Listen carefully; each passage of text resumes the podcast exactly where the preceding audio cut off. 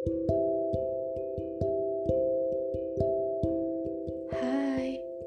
halo, kamu. Iya, kamu. Apa kabar?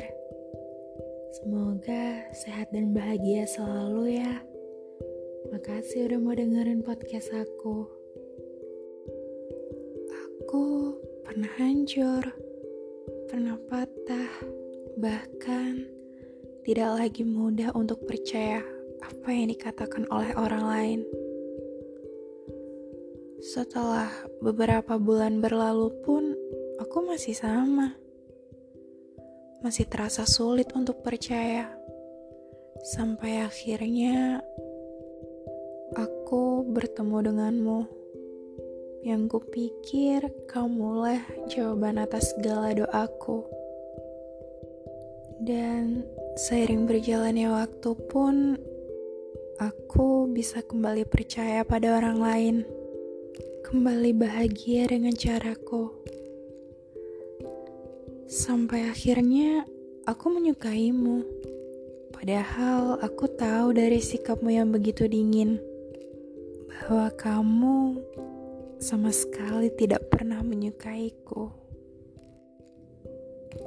Hingga suatu hari aku memberanikan diri untuk bertanya padamu apakah kamu menyayangiku atau tidak? Jawabanmu ialah aku masih bingung sama perasaanku sendiri. Setelah itu pun aku minta maaf karena aku udah baper ke kamu. Sama seperti sebelumnya. Setelah itu, kenapa kamu masih mencoba menghubungiku di saat kamu lagi butuh? Sedangkan kalau tidak butuh, ya kamu gak pernah ngehubungin aku. Aku semakin ngerasa kalau kebaikanku selama ini kamu hanya memanfaatkannya. Dan di saat kamu udah mendapatkan yang mampu membuatmu merasa nyaman dan bahagia, kamu memilih untuk mengabaikan aku.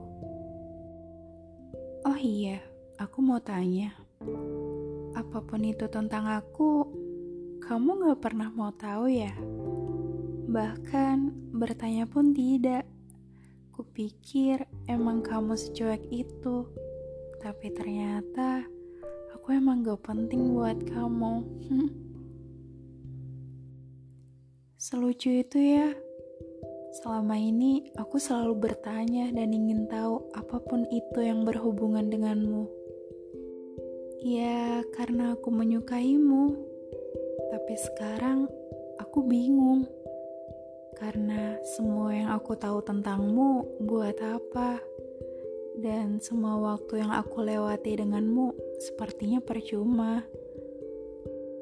Karena kamu tidak akan mengingatnya, apalagi untuk menghargainya pun tidak.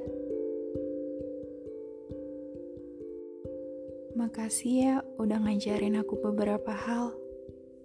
Tapi aku sadar bahwa aku bukanlah alasan untuk kamu bahagia.